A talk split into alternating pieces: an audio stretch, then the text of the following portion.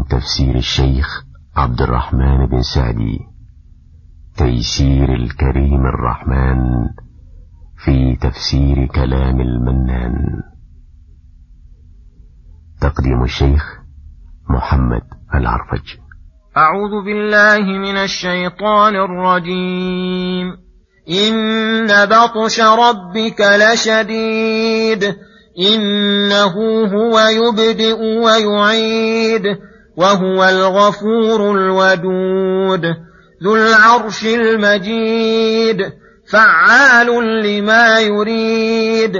هل أتاك حديث الجنود فرعون وثمود بل الذين كفروا في تكذيب والله من ورائهم محيط.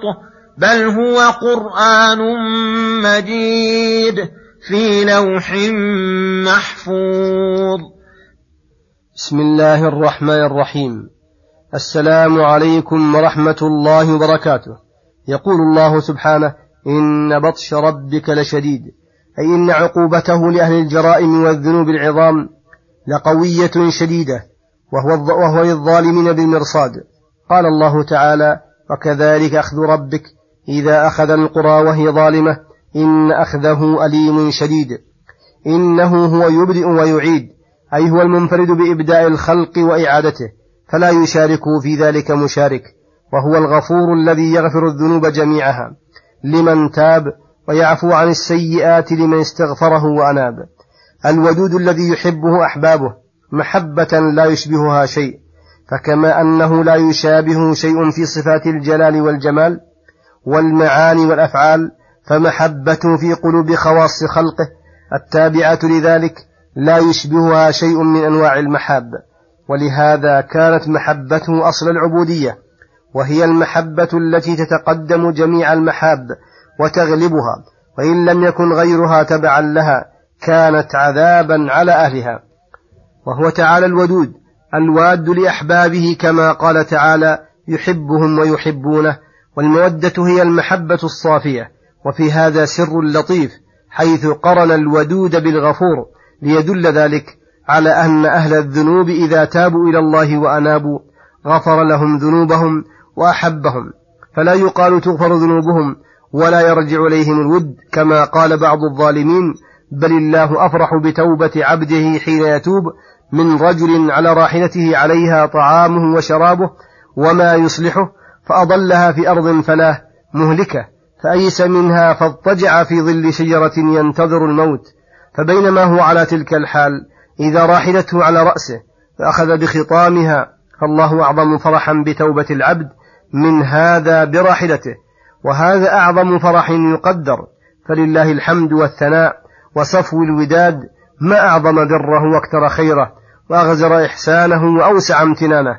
ذو العرش المجيد. أي صاحب العرش العظيم الذي من عظمته أنه وسع السماوات والأرض والكرسي فهي بالنسبة إلى العرش كحلقة كحلقة ملقاة في فلاة بالنسبة لسائر الأرض فخص الله العرش بالذكر لعظمته ولأنه أخص المخلوقات بالقرب منه. وهذا على قراءة الجر يكون المجيد نعتا للعرش. وأما على قراءة الرفع فإنه يكون نعتا لله والمجد سعة الأوصاف وعظمتها. فعال لما يريد. أي مهما أراد شيئا فعله. إذا أراد شيئا قال له كن فيكون. وليس أحد فعالا لما يريد إلا الله. فإن المخلوقات ولو أرادت شيئا فإنه لا بد لإرادتها من معاون وممانع. والله لا معاون لإرادته ولا ممانع له مما أراد. ثم ذكر من أفعاله الدالة على صدق ما جاءت به رسله فقال هل أتاك حديث الجنود فرعون وثمود؟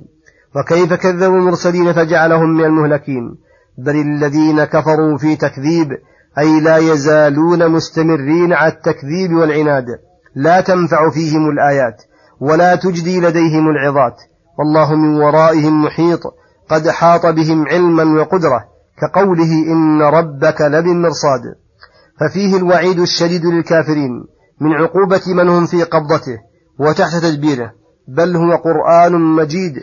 أي وسيع المعاني عظيمها كثير الخير والعلم في لوح محفوظ من التغيير والزيادة والنقص ومحفوظ من الشياطين وهو اللوح المحفوظ الذي قد أثبت الله فيه كل شيء وهذا يدل على جلالة القرآن وجزالته ورفعة قدره عند الله تعالى.